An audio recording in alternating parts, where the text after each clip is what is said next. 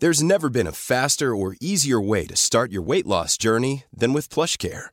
PlushCare accepts most insurance plans and gives you online access to board-certified physicians who can prescribe FDA-approved weight loss medications like Wigovi and Zepbound for those who qualify. Take charge of your health and speak with a board-certified physician about a weight loss plan that's right for you. Get started today at plushcare.com slash weight loss. That's plushcare.com slash weight loss. plushcare.com slash weight loss. Ready to pop the question? The jewelers at BlueNile.com have got sparkle down to a science with beautiful lab-grown diamonds worthy of your most brilliant moments. Their lab-grown diamonds are independently graded and guaranteed identical to natural diamonds, and they're ready to ship to your door. Go to BlueNile.com and use promo code LISTEN to get $50 off your purchase of $500 or more. That's code LISTEN at BlueNile.com for $50 off. BlueNile.com code LISTEN.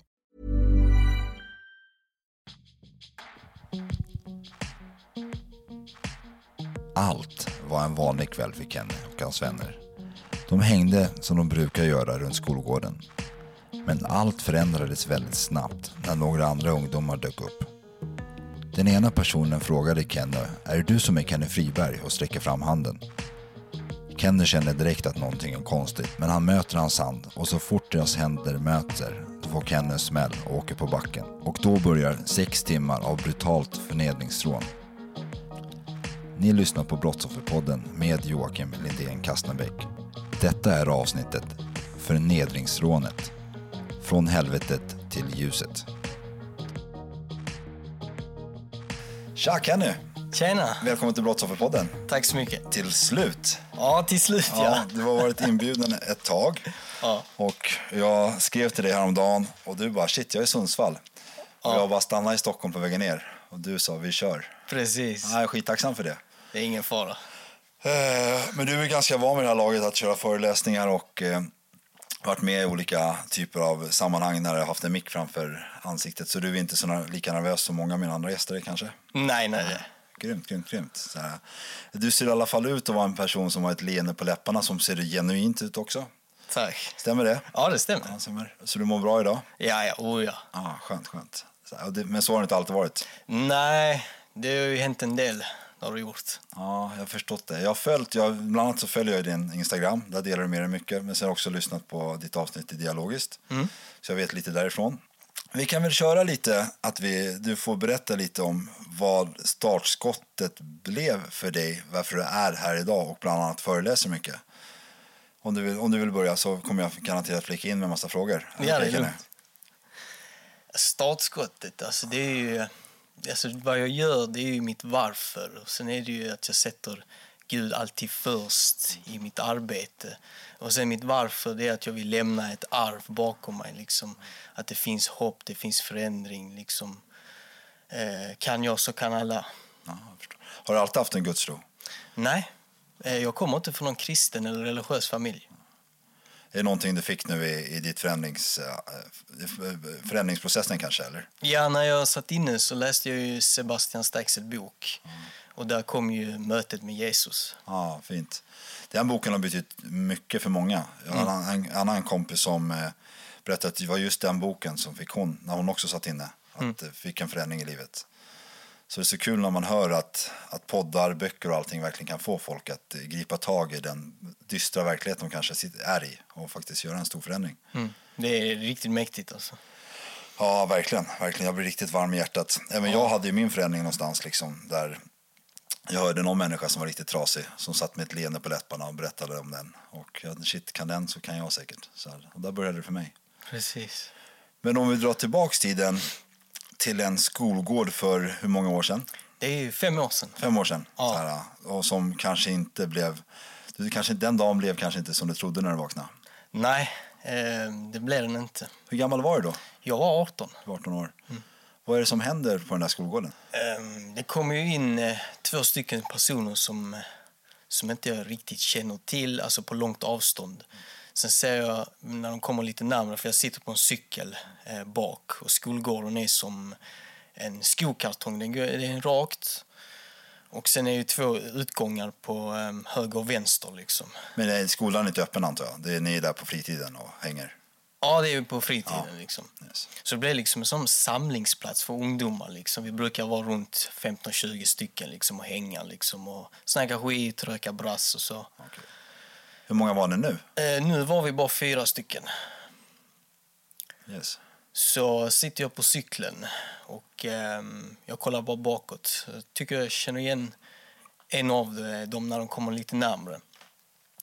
Så ehm, kommer han fram och sen skulle vi hälsa. Liksom. Och sen när vi har ju handslaget liksom, så säger han till mig, är inte du Kenny Friberg från grundskolan? Så säger jag jo.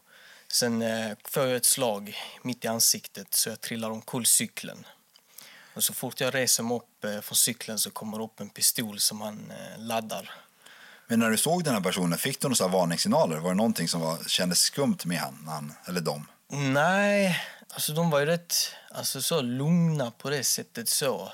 Det var mer efter eh, handskakningen liksom som slaget kom. Du kände att det är något konstigt? Ja, Nej, okej. fan, vi höll ju i handslaget, alltså, men vi släppte ju inte direkt. Ja, okej. Men hur var det att eh, se en pistol? Hade du sett pistoler innan? Ja, Ja, du hade det. Okej, okej. Men hade du fått en pistol riktad mot dig själv? nej. Nej. Hur kändes det att få det? Det, det, var, det var som att världen och omvärlden eh, stod stilla liksom, i några sekunder. Man frös till. Liksom. Och sen tänkte jag direkt på min mamma. Liksom. Ja, okej. Hon dök upp. Ja, Vilka typer av tankar på din mamma? Eller var det din mamma som bara dök upp? I, eller bara? Var det det? det var ju min mamma och sen att eh, det kan vara min sista dag. Liksom. Ja, okej. Ja, shit alltså. Men vad är det som händer när han riktar pistolen mot dig? Då säger han att jag är skyldig han 30 000 kronor. Och jag och mina vänner, liksom, vi bara... Alltså vi frös ju till i och med till ett vapen där och... Alltså vi sa ju ingenting mycket liksom. De- Vi stod mest stilla liksom. Men sen började ju den förnedringsgrejen då liksom. Slag, liksom, hot, jag ska betala liksom. Och mina vänner stod och kollade på när det hände och jag kunde inte göra någonting inom ett... Alltså det är ju en pistol inblandad liksom, och då vill man inte... Det går rätt fort om man skulle göra någonting. Liksom. Ett vapen kan ju avfyras rätt snabbt. Men jag måste fråga, du säger, de nämner pengar, att du skyller dem pengar, fast det någon sanning i det? Nej, alltså jag har aldrig varit skyldig någon pengar. Men jag, jag har inte varit Guds bästa barn. Liksom. Jag har gjort mina rån, butiksstölder liksom, och bilbränder och så. Men jag har aldrig alltså, varit skyldig någon pengar. Liksom. Så teorin finns ju att det kan vara, ligga från min systers sons sida, för han har ju hållit på att sälja. Så har de valt mig för jag är den äldsta i familjen. Eller så finns det en annan teori som handlar om att huvudgärningsmannen, han som jag gick i grundskolan med, han är skyldig någon annan de 30 000 så han försökte bötfälla mig bara för att rädda sig själv. Ja, okej, okej. Men du är i alla fall på den här skolgården. Du har dina vänner där. Men de andra personerna har en pistol och, och har alltså börjat terrorisera dig med, med våld. Liksom. Så här, hur går det vidare därifrån? Så där, jag får ta emot det liksom och eh, jag stänger av känslorna efter en stund. Det var ju mitt slag med pistolen i huvudet, pistol i munnen. Eh, jag fick dra av alla kläder, alltså upp på, upp på liksom och cigarettfimpar. Eh, och sen att de slet mig på marken när jag låg ner liksom. Och, det var mycket våld, liksom nonstop liksom. Det var ju aldrig något stopp typ. Vad får du för känslor när du blir utsatt för sådana här grejer? Du nämner att du är bland annat avstängd, men får du någon så här äh, fäkta, vad säger man, fäkta eller flykänslor eller blir det att man gärna bara stänger av för att det är bästa, sitt bästa för en själv kanske? Ja, jag stängde av rätt mycket på den dagen. Alltså, jag, till slut kände jag inte smärtan överhuvudtaget. Liksom. Ah, okej. Jag försökte fokus på att se vad jag kan komma ut från denna situationen och eh, försöka hålla mig vaken så gott jag kan. Liksom. Men vad säger du om de här 30 000? Så här, om du säger, du säger att du inte skyller honom 30 000, är det någonting han köper eller vänds det på något? Eller hur kommer det sig att de fortsätter? Ja, Jag fick hålla med att jag ska betala. Liksom. Ah, okej. Så det blir en strategi som jag säger att jag ska betala. Liksom. Men ändå fortsätter det här Ja. våldet? Mm. Och dina vänner? De stod bara och kollade på under hela händelseförloppet. Det var ju i sex timmar. Liksom. Eh, Så de bara stod och kollade på. Liksom. Inte ett ord från dem. Men får du nu... Oh shit vad jag är snabb på mina motfrågor, kan jag ursäkta. Jag verkligen tar in allting du säger. Ja. Men får du någon tanke när du ligger där att, att de borde göra någonting? Alltså i ditt försvar? Alltså jag tycker de borde ju stopp för mig liksom inom ett... Det är ju vissa vänner där liksom som jag har delat bröd och vatten med liksom när vi varit ute och, och de kallar en för bror, bror hit och dit liksom. Det är mycket bror i dagens Ja, samhälle. precis. Uh, Men när det väl gäller till kritan så um, backar de inte liksom. Nu kanske jag hoppar lite i, i tiden, men jag måste nu, när, eftersom du sitter framför mig så vet jag att du överlevde den här situationen. Mm. Eh, har du pratat med dem om det här idag? Alltså jag har stött på dem i Malmö men jag har bara gått förbi och de har inte sagt någonting liksom. Och jag tänker, eh, jag har ingenting att säga dem egentligen. Jag liksom. fattar. Er vänskap dog där och då. Ja, den är helt... Den är helt död. Ja.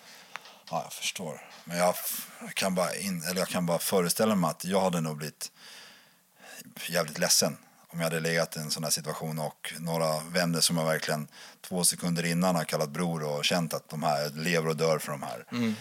Och, eh, och de står och tittar på. Jag hade nog blivit jävligt ledsen. Så, Jag kände mig väldigt besviken. Liksom. Och sen liksom, så såg jag att de blockerar mig på sociala medier. Liksom. Jag bara tänkte, varför? ja, du ser. Liksom. Och, ehm, och där visade det sig att det var inte mina riktiga vänner. Liksom. Nej, jag har också varit, nu låter, kommer jag låta jättegammal, men jag har också varit ung och det är inte många av de vännerna som jag har kvar idag, som jag, precis som du, delar vatten och bröd med.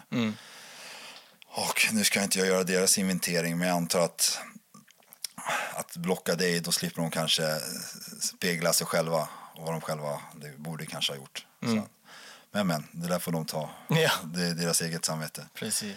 Men om vi går tillbaks till den här kvällen. Du, du sa bland annat den här, du sa kvällen eller natten. Betyder det att det är lä- längre tid?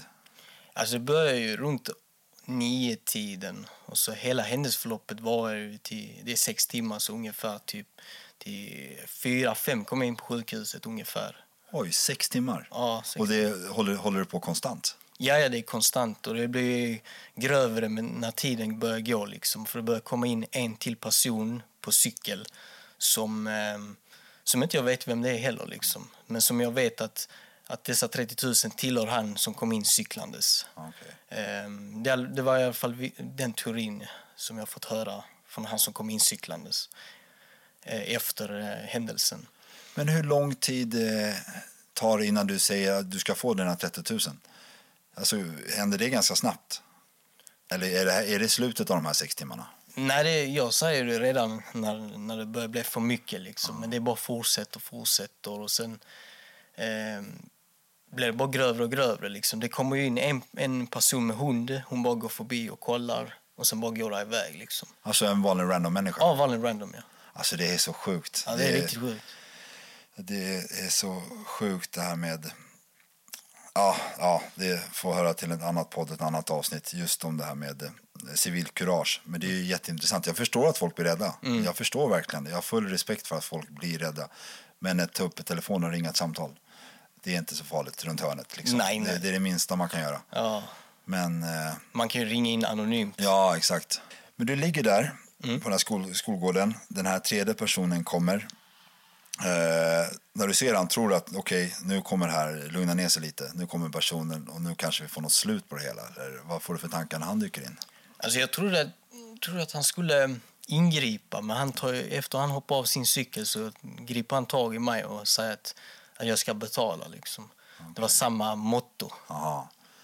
Så du bara späddes på. Ja, och den här personen eh, vet du det, drog mig som det vore en skräckfilm. Du vet, alltså man drar personen ner på marken. Och sen hade jag, jag hade ju längre hår på den perioden. Och då blev det att jag, alltså, de, han eh, släpar mig liksom. Och sen kommer ju sparken där så jag bröt, mell, jag tror det var mellan 3 till 4 revben liksom. Åh jävlar, det måste gjort skitont. Jag kände inte det, men det kändes när jag låg inne på sjukhuset alltså dagen efter. Då kände jag smärtan.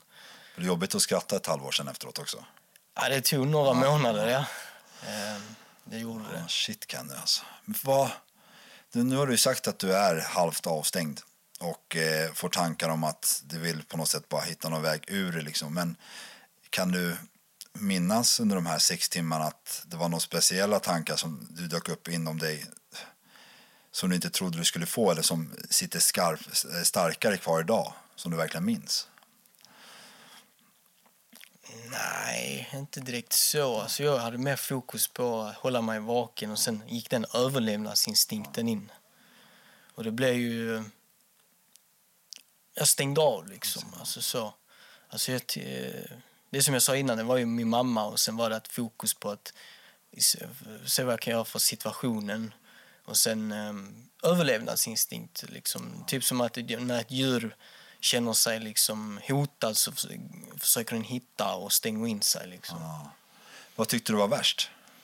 Alltså det värsta var ju, alltså det var ju förnedringen då via sociala medier. Det... Ja, under tiden det här försiggick? Ja. Jaha, så de håller på... Jaha, jäklar. Så det var ju med pistol i munnen och jag fick säga ord eh, om hans flickvän. Typ, eh, det var någonting med Mami, den vackraste tjejen i världen. Liksom. Alltså det är, för det första så är det ju, det är generalsjukt där. Men också, är man en kriminell människa, hur tänk, ser man på det här med eh, sociala, eller sända ut att nu finns det ett bevis att jag håller på med det här. Så här men det kopplas inte. Den här intelligensen där finns kanske? det, jag tror inte den kopplas där. De var ju rätt påverkade för det var ju det cirkulerade vet du, hash och ah, okay. så liksom. Samband med misshandel liksom. Ja, så de på något sätt, de, ja, visst de kanske ville ha sina 30 000 men det, så, det verkar ju också som att de verkligen ville Åka dit? Ja, verkligen. Mm. verkligen. Så här, att de inte brydde sig om det. Hur gamla tror du att de här var? Um, han som var min före detta alltså klasskamrat, han var ju två år yngre än mig. Okay. Så han var väl 16, tror jag det var. 16, 17. Okay. Sen den andra, eh, då hade jag ingen aning om det. Men han var, jag tror han var, skulle fylla 16 han. Och den tredje personen med cykeln, han, är, han var 23. Okay. Jag tror han var 23 eller 24. Aha. Han var ju vuxen nästan. Ja. Ja, fy fan. Uh, men när, när bestämmer de sig för något sätt att eh, ta det här vidare då? Liksom? För du, du har, de har uppenbarligen hållit på med det här våldet ganska länge. Mm. Uh, men vad, vad, jag släpper ordet till dig. Vad händer Kenny? Alltså efter när hon kom in med hunden så går det bara några kanske 15-20 minuter så bestämmer sig då min eh, huvudgärningsman, då min klasskompis, att vi ska flytta oss. Och då blir det ju eh, till en annan port, inte en skolgård, en port. Och där kommer ju... Då där händer lite grövre saker där. Men på vägen till porten så går jag rakt fram och så han går bakom mig och så mina vänner bakom han. Liksom. Så jag, jag, jag hade kvar knappmobilen i min Eh, i min ficka. Liksom. Den tog de inte från mig. Liksom. De tog ju kläderna jag hade på mig, liksom. de märkeskläderna jag hade. Eh, men så tog jag upp mobilen och skickade iväg ett sms till min mamma eh, som jag skriver “Jag älskar dig”. Aha. Och det var ju någonting som min mamma reagerade över i att jag är svårt att visa känslor, har alltid haft det inom uppväxten. Så hon började känna någonting att det är någonting som inte stämmer. Men hon agerar inte utifrån smset. Ehm, så kommer vi in på skolgården ehm, och jag hinner ju lägga ner den utan att han ser liksom, i att jag går främst. Och då har jag en pistol mot ryggen liksom. Ehm, går vi in mot eh, porten och, eh, och där börjar mina vänner slå mig också. Han säger att mina vänner ska slå mig och det, och det gör de. Liksom. de och det, fast det blir med, med mitt bälte liksom. Och sen blir det ännu mer cigarettfimpar och sen blir det ju den eh, stora händelsen eh, som jag haft svårt att berätta för. Liksom, som jag har tagit offentligt nu liksom, med tiden och tagit det med Gud. Liksom, och, inte ens min familj visste det för ett tag sedan. Liksom. Och det är att de kör upp en eh, Coca-Cola-flaska där bak på mig. Ah, okay. Och när, när, de, när du inser att det ska hända, får du några speciella tankar eller var det, fort, det var fortfarande bara helt avstängt? Ja, jag var fortfarande helt avstängd. Och sen under ju all den smärtan liksom, och sen slagen med skärpet, det var ju i huvudet liksom. Så det, det började gunga till och så liksom. Men jag var ju fortfarande, alltså jag kunde ju se och så liksom. Um, men det var ju att jag var borta på något sätt liksom. Ja, jag förstår. Men nu i efterhand, så vad tycker du den värsta förnedringen? Där dina vänner eller den där med kolaflaskan? Det är egentligen båda två faktiskt. Um, Coca-Cola-flaskan, det är ju inte mitt fel. Men eh, vännerna, liksom, jag tycker det är mer förnedrande i och med att de som jag delar med vatten och bröd med, att de inte de ska backa upp mig. Liksom. Ja. Så jag kände mer det förnedrande i och med att jag har varit med dem i, i flera år. Liksom. Så Nu låter det som allt är, eh, alltså, allt är jätteskevt och jättefel i det här. Mm. Det, det är verkligen det. Man ska inte, men sen förstår jag ju, speciellt som vi killar, att när något sånt där händer att det ska inte hända, det får inte hända mig, jag är kille, bla bla bla Mm. bla bla. Men i det stora hela så är det ingen större skillnad på det och en cigarettfimp egentligen. Det är ju någon annan människa som är väldigt sjuk i huvudet. Som dessutom är feg nog, som gör det under pistolhot. Vågar inte ens göra det typ man mot man om man ska säga så. precis. Så, ja men vad händer efter det där då? Efter det där så började klockan sig när, närma sig då morgon. Och då beslutade sig att, att eh, en, av min vän, en av mina vänner fick ju upp i och med att han bodde i den här porten som allting höll på. Och då bestämmer sig då huvudgärningsman 1 och min klasskompis att han får gå upp. Och då trodde jag, om han är min riktiga vän så går han upp och ringer. Ja. Men eh, det gjorde han inte. Jag gjorde inte det. Nej. Ah. Så ehm, sen bestämmer sig då gärningsman 1 att vi ska ehm, gå hem till honom och sova över. Sen, kom, sen nästa dag, eller då eh, några timmar efter, för det var en ny dag, att vi skulle gå på Elgiganten och hämta ut grejer liksom, för att täcka upp skulden. Liksom. Okej. Så um, bestämmer sig vi att vi ska gå ut och då går, mina, då går vi... ehm, jag går först och sen går han eh, på högersidan lite snett om och sen mina vänner bakom.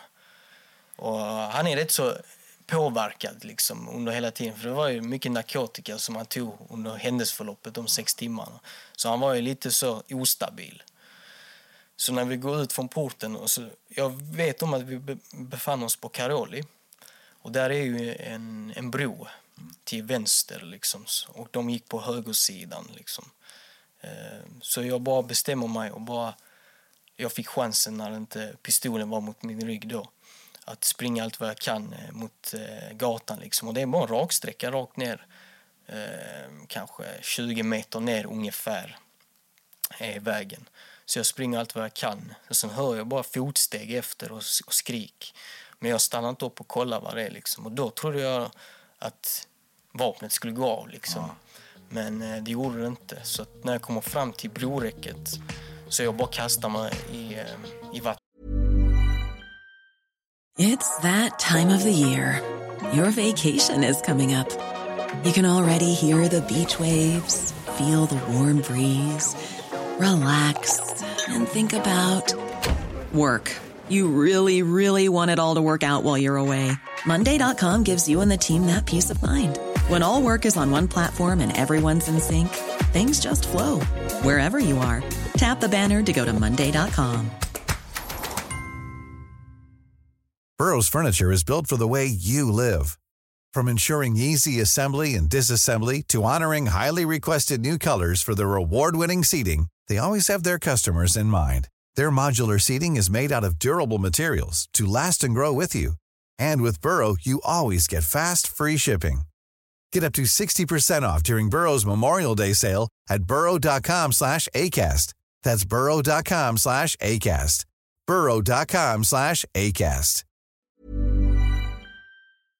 Liksom. Utan att ens tänka någonting. Liksom. Ska, jag vänt, ska jag vänta eller ska jag hoppa? Så det var ju bara att rakt ner liksom, direkt. Du visste ändå att man kan hoppa här? Ja, ja.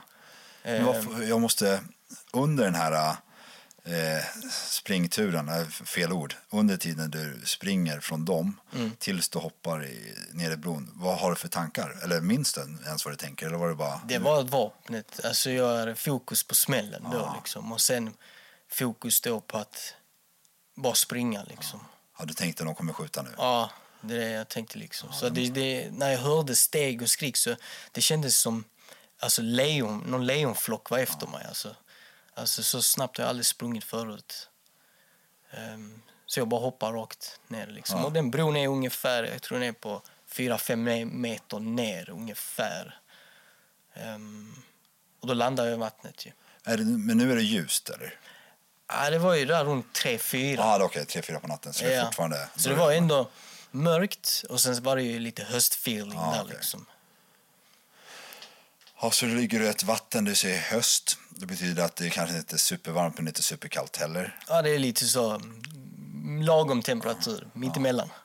Och när du kommer ner i, vattnet, vad har, typ får du tanken nu är jag fri eller vad händer i, vad händer i dig då?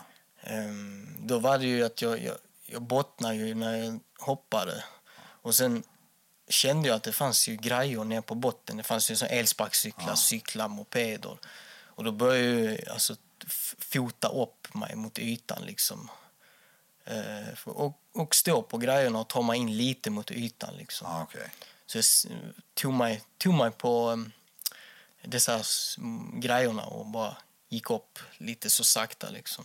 Men ser, du ser inte dem, det är för mörkt att se dem, eller skriker de efter dig? Eller? Ja, de står där vid räcket och, Ja, det. skriker så att de, ja, vi slutar och kom upp, kom upp liksom.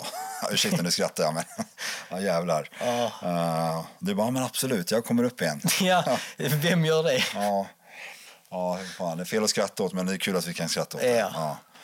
Ja. Så är jag där nere cirka 15-20 minuter ungefär så hör jag bara de börjar spring, springa från räcket.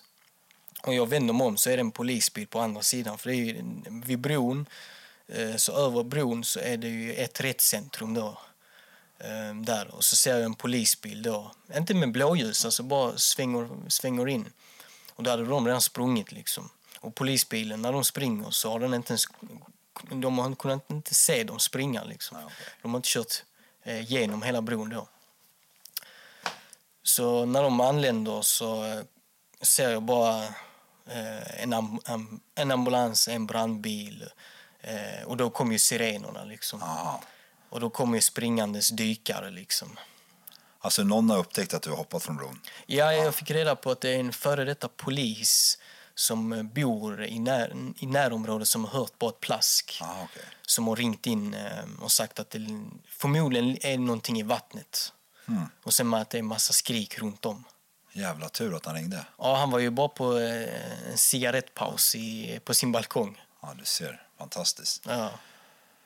Hur, hur, vad får du för känsla när du ser polisen du märker att de är på väg mot dig? Alltså Ja. Det är inte bara polis, ambulans, det är brandkår. Det är väldigt mycket vittnen som kommer vara på din sida. Eller väldigt mycket folk som blir... Det är jobbigt att bråka med dem. Liksom. Mm. Vad får du för tankar där? Eh, hjälpen äntligen kom. Ja, jag, jag ser att du småler lite. Alltså att du, har du något minne av när du ser dem att det blir en och säger fan jag kommer överleva det här? Ja, det, det, det fick jag liksom. Men jag fick ju inte direkt roliga ögon Nej, på det- mig. Liksom. Nej, det fattar jag. Men det gick så snabbt. De tog in mig i eh, den eh, båren och sen in i ambulansen. Ju. Eh, sen kör de in mig till sjukhuset. Och då röntgar de mig. Och sen får jag vara kvar där eh, en natt. Hur bemötte, hur bemötte polisen dig?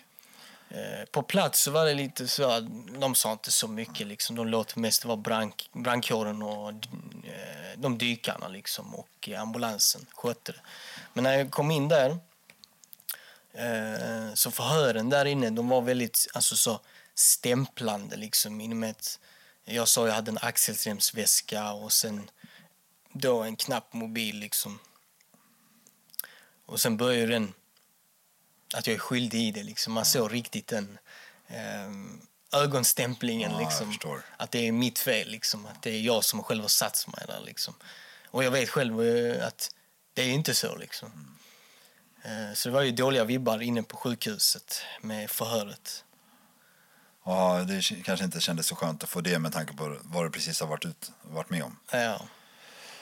Eh, men hur länge var du kvar på sjukhuset? En dag, eh, de kunde inte få tag på min mamma för att de hade, min mamma hade skyddat nummer. Liksom. Så en sjuksköterska skickade till min mamma på eh, Facebook att din son ligger här men jag kan inte säga så mycket via Facebook. Så då kommer ju min eh, mamma och min sys, mina två systrar in och min styvfarsa kommer in. Och eh, där bröt min mamma ihop och även min ena syster eh, gjorde. Men min andra syster hon är lite mer härdad. Hon har ju varit det svarta fåret också i familjen. Eh, så det var ju mer en hatisk eh, känsla hon fick. Okej. Eh, men så hade inte, de fått, hade, inte de, hade inte min mamma fått reda på att jag hade hoppat i kanalen. Så hon tar ju min, tar upp mina kläder som ligger och märker hon att de är blöta. Och då frågar ju hon eh, sjuksköterskan vad som har hänt. Och då säger ju, ju de att de fick plocka upp mig ur kanalen. Hur reagerade din mamma på det? Det var en ganska chockerande blick. Alltså. Hon kände inte igen sin egen son inne på sjukhuset. Det var som en helt annan Kenny. Liksom. Jag svullen och bulor, kunde inte se med ena ögat. Eh, skrapsår, brännmärken. Liksom. Ja, det var en helt annan syn. Hur var det mentalt där? För det måste ha varit en sjukt påfrestande natt. Ja... Alltså då, men jag tänkte ju... Jag var mer den eh, som, vad kommer att hända nu liksom? liksom eh, eh, men dagen efter fick jag, fick jag, fick jag känna på smärtan liksom med revbenen och eller, själva läkningsprocessen med ögat och så. Eh, Men jag tänkte inte så mycket inne på sjukhuset. Jag var inte någon, jag, jag stängde, jag stängde av. Jag var i chock kan man säga. Så, och sen tänkte jag, vad kommer att hända nu? Ehm, Vilka tankar hade du? Vad som skulle kunna tänkas hända? Jag, jag tänkte att det här blev ju en, eh, en, fly, en bortflyttning från Malmö. Tänkte jag liksom. Eh, antingen eh, alltså, från min mammas sida, att vi flyttar liksom. Eller så blir det någonting annat liksom. eh. Ehm, eller så blir det som att jag går ut från sjukhuset och sen eh, hemma ett tag tills det har läkt och sen som vanligt bara. Men sen, då tänkte jag nästa gång kanske det blir ännu värre. Liksom, att, eh, det blir att de knäpper mig nästa gång liksom, utan ens eh, misshandla mig nästa gång. Men det blev ju inte så för jag me- medverkar ju i polisutredningen. Liksom. För min mamma sa ju till mig, gör du inte det så gör jag det. Liksom. Och då tänkte jag, jag gör det för familjens skull. Liksom. Och då kom ju det där Johan Falk-erbjudandet som, eh, som jag fick då, nytt, nytt namn, eh, skyddad ID och så. Ny fresh start. Men så två veckor innan rättegången så fick ju jag och min syster död, dödshot. Ehm, För hon hade ju skickat in videosarna som hon hade fått, fått in på sociala medier. Skickat in det till polisen, för polisen kunde inte hitta det. Ah, okej. Eh, De hade fått eh, tag i en dålig som inte ens kunde leda till någonting. Så min syster skickade in en bättre version. Så din syster gör ett bättre arbete än vad de gör? Ja, det, det blev så. Så de använde ju hennes version i tingsrätten. Så det var ju så vi fick dödshot. Hon skickade in, så hon är inte, hon är ingen, hon har inte medverkat i, eh, i själva den här eh, sk- skulden som finns. Liksom. Hon har ju kommit in på helt random eh, anledning på grund av att hon skickade in en video. Eh, Men så kom ju dödshoten där så fick vi då eh, polisskyddsgruppen, personskyddet då. Ja, vad innebär det? Det, är ju, de, det innebär då bevakning och sen när de hämtar oss på... Eh, eh, de hämtar oss innan rättegången. Ah, okej. Eh, så var det att de, när de skulle hämta oss, att de kollade runt och sen in i bil direkt. Liksom. Och de hade ju skyddsväst och vapen på sig. Ja, det, är van, alltså, det är civila poliser? Ja, det är ju från personskyddsgruppen liksom. Så att de, de, man såg ju, såg ju västar synliga, vapen synliga. Så, Men så- nu, var, nämnde du rättegången, men hur lång tid från sjukhuset eh, är det till rättegången?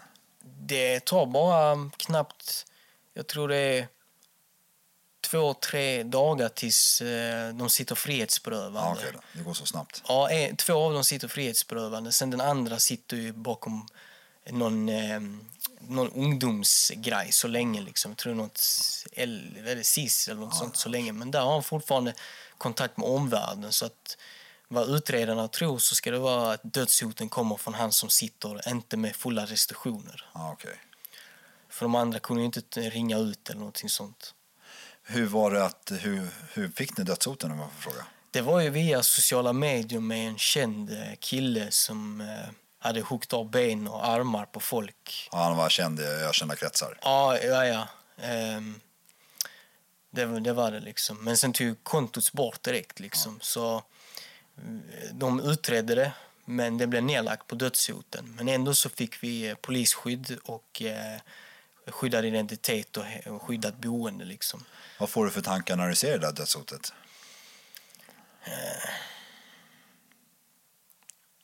Alltså, jag, jag, jag, jag blir... eh, Alltså, jag blir inte... Alltså, det chock, chockar mig faktiskt. Eh, det gjorde liksom. Ja, för jag hade ju blivit livrädd. Så här, om jag, speciellt om jag vet att den här snubben hugger av armar och ben. Liksom.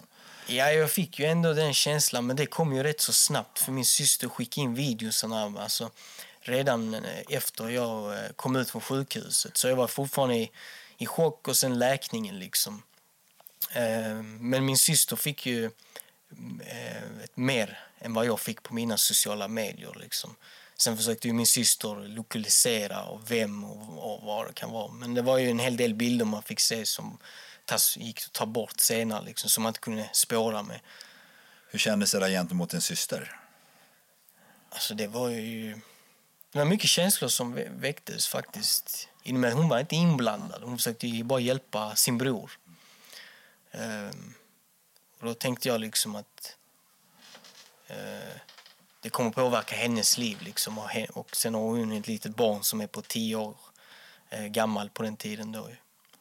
Men du sa också att hon var det svarta fåret innan. Var det den systern? Ja. ja. Så hon kanske hade lite skinn på näsan? Ja, hon hade ju skinn på näsan, men hon blev ju... Hon blev ju den som skulle snoka runt liksom. Och- Men hon, jag märkte inte att hon blev alltså, rädd så liksom. Men det var ju ändå allvarligt i och med att det, var en pågående utredning liksom. Såg du fram emot rättegången? Eh, ja, det sa jag faktiskt. Hur var, hade du målsägande advokat? Ja, jag hade advokat till skadeståndet och sen var det väl jag tror det var åklagaren. Åklagare. För, för, pratar, de, pratar de med dig hur det skulle gå till med rättegången och hur, vad de misstänkta kommer sitta, vad för typ av frågor? Och, Nej, det var inte så. Och det var ju, förhandlingen hölls i säkerhetssalen i Malmö. ah. För Just för, för hotbilden och allting. Ja, då bakom pansarglas då ja. Så du vaknar den morgonen, sen kommer det här personskydd och hämtar upp dig. Du, du sitter i bilen, du är på väg mot den här eh, skyddssalen, eller skydds... Vad heter det? Sorry. Eh, säkerhetssalen. Säkerhetssalen. Ja, de hämtar upp eh, mig och min syster. Okej. Hur var det när du, för du kommer in först antar jag, i rättegången? Ja. Ja, hur var det när du sitter där och de misstänkta, men nu sitter de bakom, du sitter, du sitter inte i samma rum som de sitter bakom glasen? Jo, vi, vi satt ju... Jag satt ju längst bort och sen har de den andra sidan. Men själva Ah, okej. pansarglaset är ju för anhöriga. Ja, ah, just det, så är det ja. Jag har varit på en sån i Huddinge, när jag tänker efter. Ja, de är lite mer annorlunda. Ja, de är verkligen det. ja. Eh, Men hur var det när de kom in i rummet? Var det tre stycken då eller? Ja, det var tre stycken. En satt ju på videolänk Ah, okej. eh, som satt fortfarande på, på SIS-saken. Och sen två sitter inne i rättssalen. Vad får du för känslor när du ser dem? Det var ju, det väcktes mycket hat liksom och det var mycket blickar och utstirrningar, både från deras anhöriga. Deras anhöriga fick ju sitta bakom pansarglaset, men mina fick ju inte komma in. Varför var det så för? Det är nog bara för att det skulle bli en hetsig stämning. Och sen hade ju eh, från min pappas sida och min kusins sida haft lite tunga människor med sig, så det är nog inte därför de blev insläppta. Ah, okej. Så jag tror det är därför. Men de kunde ju sitta och konversera, eh, alltså familjerna och de misstänkta. Liksom. Så att man såg ju den ena eh, systern av deras familj eh, gå ut och ringa samtal och så komma in igen. Liksom. Utan någon eh, eh, tillsä- alltså utan någon sån att nej, du får inte lov att göra så, eller typ tillsägelse. Liksom. Vad får du för tankar där när det sånt där händer? Det blir lite som att de här människorna som har betett sig på, på ett visst sätt som är dock oskyldiga tills de blir dömda absolut via lagen. Men de är i alla fall misstänkta att de får bete sig på det här sättet som på något sätt kan gynna deras utgång av den här rättegången. Vad får du för tankar att sitta där på andra sidan och se allt det här? Och, Alltså jag, blev mycket, alltså jag känner mig förnedrad av eh, rättssystemet, alltså själva, ting, alltså själva systemet i tingsrättens i salen där. Eller själva verket, hela systemet. Och sen själva gärningsmännen liksom förnedrad på det sättet. Så jag fick ju lagen, lång, lagens långa arm och sen de misstänkta. Liksom, att det blev två förnedringar på samma dag. Liksom. ja, jag tycker det är jätteskumt att de får bete sig på det sättet. Det var ju det var ju också att domaren sa ju fel namn. De sa ju Kevin istället för Kenny till exempel. Bra start. Ja, och deras, en av deras advokater ju nickade till så i, eh, tings, i, inne i förhandlingen. Liksom. Inom att det var så mycket med pappersarbete, liksom, så det var rätt så tyst emellanåt. Och sen kunde ju de som satt eh, de satt nästan bredvid varandra, de, de misstänkta. De kunde ju skicka snus till varandra fast de sa i, i förhören att de inte kände varandra. Ja, jag förstår känslan. Att du inte tas riktigt på allvar. Ja. Ja, det förstår jag verkligen. Det förstår jag. Men hur var... Nu har du berättat att de är ganska unga och jag jobbar ju med väldigt mycket unga människor som är ut från, från utsatta områden. Jag vet att de ska spela ganska tuffa. Speciellt när det är fler än två människor i samma rum. Eh, hur var de här killarna eh, när de får deras frågor och sånt? Alltså de var stentuffa, skitigt på 14 dagar. Ja. Ehm, de var mycket, de släppte inte blicken om mig och min syster. Ehm, och sen hade jag ju personskyddet bredvid mig liksom, så de släppte ju inte blicken. Så det var ju alltid eh, typ skrämseltaktik, utstirrande, liksom, att man skulle eh, tappa talförmågan liksom. Hur var det den, apropå talförmågan, hur var det när du fick frågan om, eh, när du, fick, när du skulle berätta om händelsen? Hur var det att göra det? Jag kollar ju mot eh, domaren och åklagaren, så jag håller ju fokus där. Liksom. Sen när det var deras tur så eh, stirrade jag tillbaka på det, dem. Liksom. Så det blev lite så fram och tillbaka. Vad, vad för typ av eh, frågor ställde deras advokater till dig? För jag antar att det var för att ja, förminska din sanning kan tänka mig. Alltså det var nog... Eh, alltså nu är det så pass länge sen. Men jag, alltså jag tror det handlar om varför befann jag mig där och vad jag för samröre eh, med dem till exempel. Och sen om jag sålde liksom.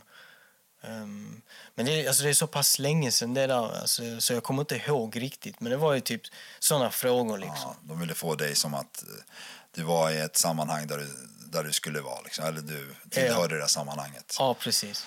Jag fattar. Hur länge höll den på? Förhan- för hela förhandlingen var nog i fem, sex timmar totalt, Okej. vad jag kommer ihåg. Det låter ganska kort ändå när det är så många inblandade. Ja, den blev ju kort. Det hände ju en, en incident i rättssalen. Liksom.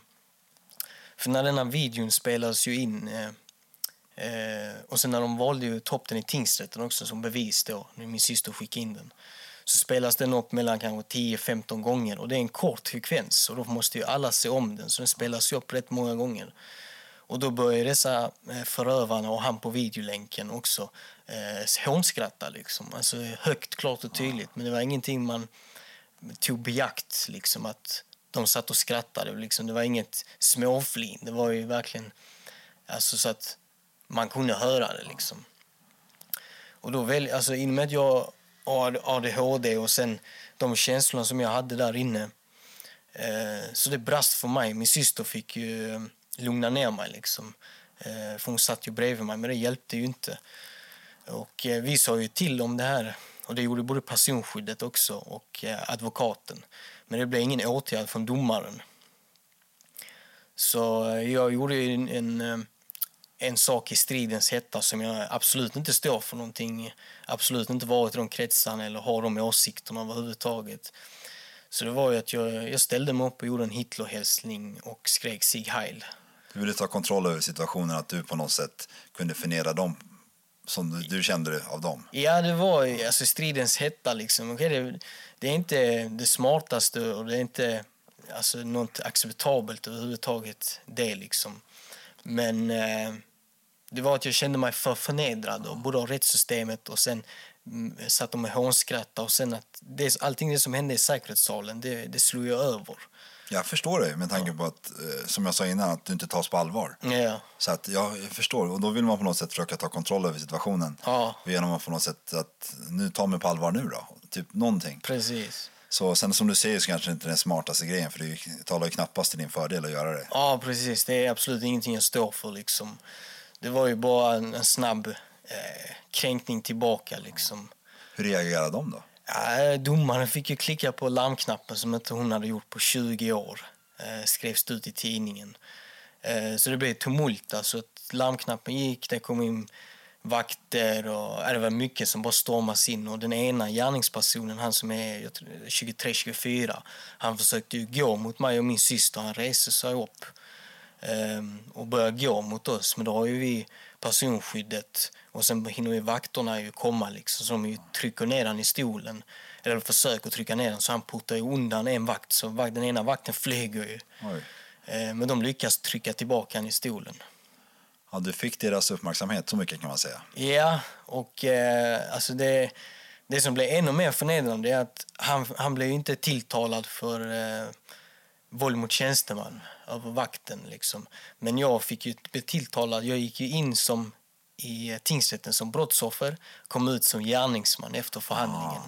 För det blir så argelseväckande beteenden och sådär? Eller? Äh, hets mot folkgrupp. Ja, hets mot folkgrupp, ja. så det, ja. Så jag kom ut som gärningsman i min egen eh, rättegång. Ja, du ser.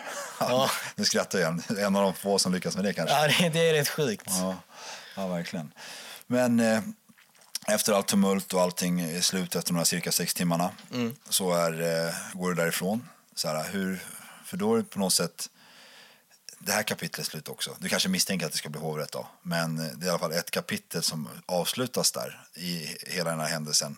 Vad har du för tankar då? För nu ska du på något sätt släpp, kanske lägga det här bakom dig. Alltså efter, efter förhandlingen så får vi, blev vi beordrade från personskyddet att de gjort en riskbedömning. Och då får vi säga hej till eh, vår mamma i fem minuter i ett enskilt rum. Och sen snabbt intryckt i bilen och sen kör de eh, på sådana smågator så kollar jag dem uppe i 120 på smågator eh, rakt ut mot motorvägen. Ni har just lyssnat på del 1 av 2 av Förnedringsrånet från helvetet till ljuset. Glöm inte att följa oss på Instagram eller Facebook under namnet Brottsofferpodden. Har ni frågor till oss, skriv till brottsofferpodden gmail.com. På återseende, ha en bra dag, kväll, morgon, natt eller vad klockan nu är när ni lyssnar på det här. Historien som berättas har satt sina spår Finns ingen skam att känna Men den känns ändå Känn dig aldrig ensam med minnen du bär på. Det är inte din skuld att bära. Jag hoppas du förstår för skulden ligger hos den som begår hos den som begår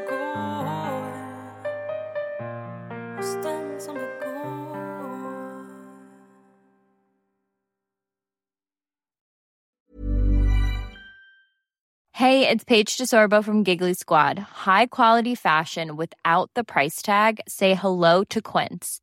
I'm snagging high-end essentials like cozy cashmere sweaters, sleek leather jackets, fine jewelry, and so much more. With Quince being 50 to 80% less than similar brands. And they partner with factories that prioritize safe, ethical, and responsible manufacturing. I love that. Luxury quality within reach. Go to quince.com slash style to get free shipping and 365-day returns on your next order. quince.com slash style. Imagine the softest sheets you've ever felt. Now imagine them getting even softer over time. That's what you'll feel with Bowl and Branch's organic cotton sheets. In a recent customer survey, 96% replied that Bowl and Branch sheets get softer with every wash. Start getting your best night's sleep in these sheets that get softer and softer for years to come. Try their sheets with a 30-night guarantee. Plus, get 15% off your first order at bowlandbranch.com. Code BUTTERY. Exclusions apply. See site for details.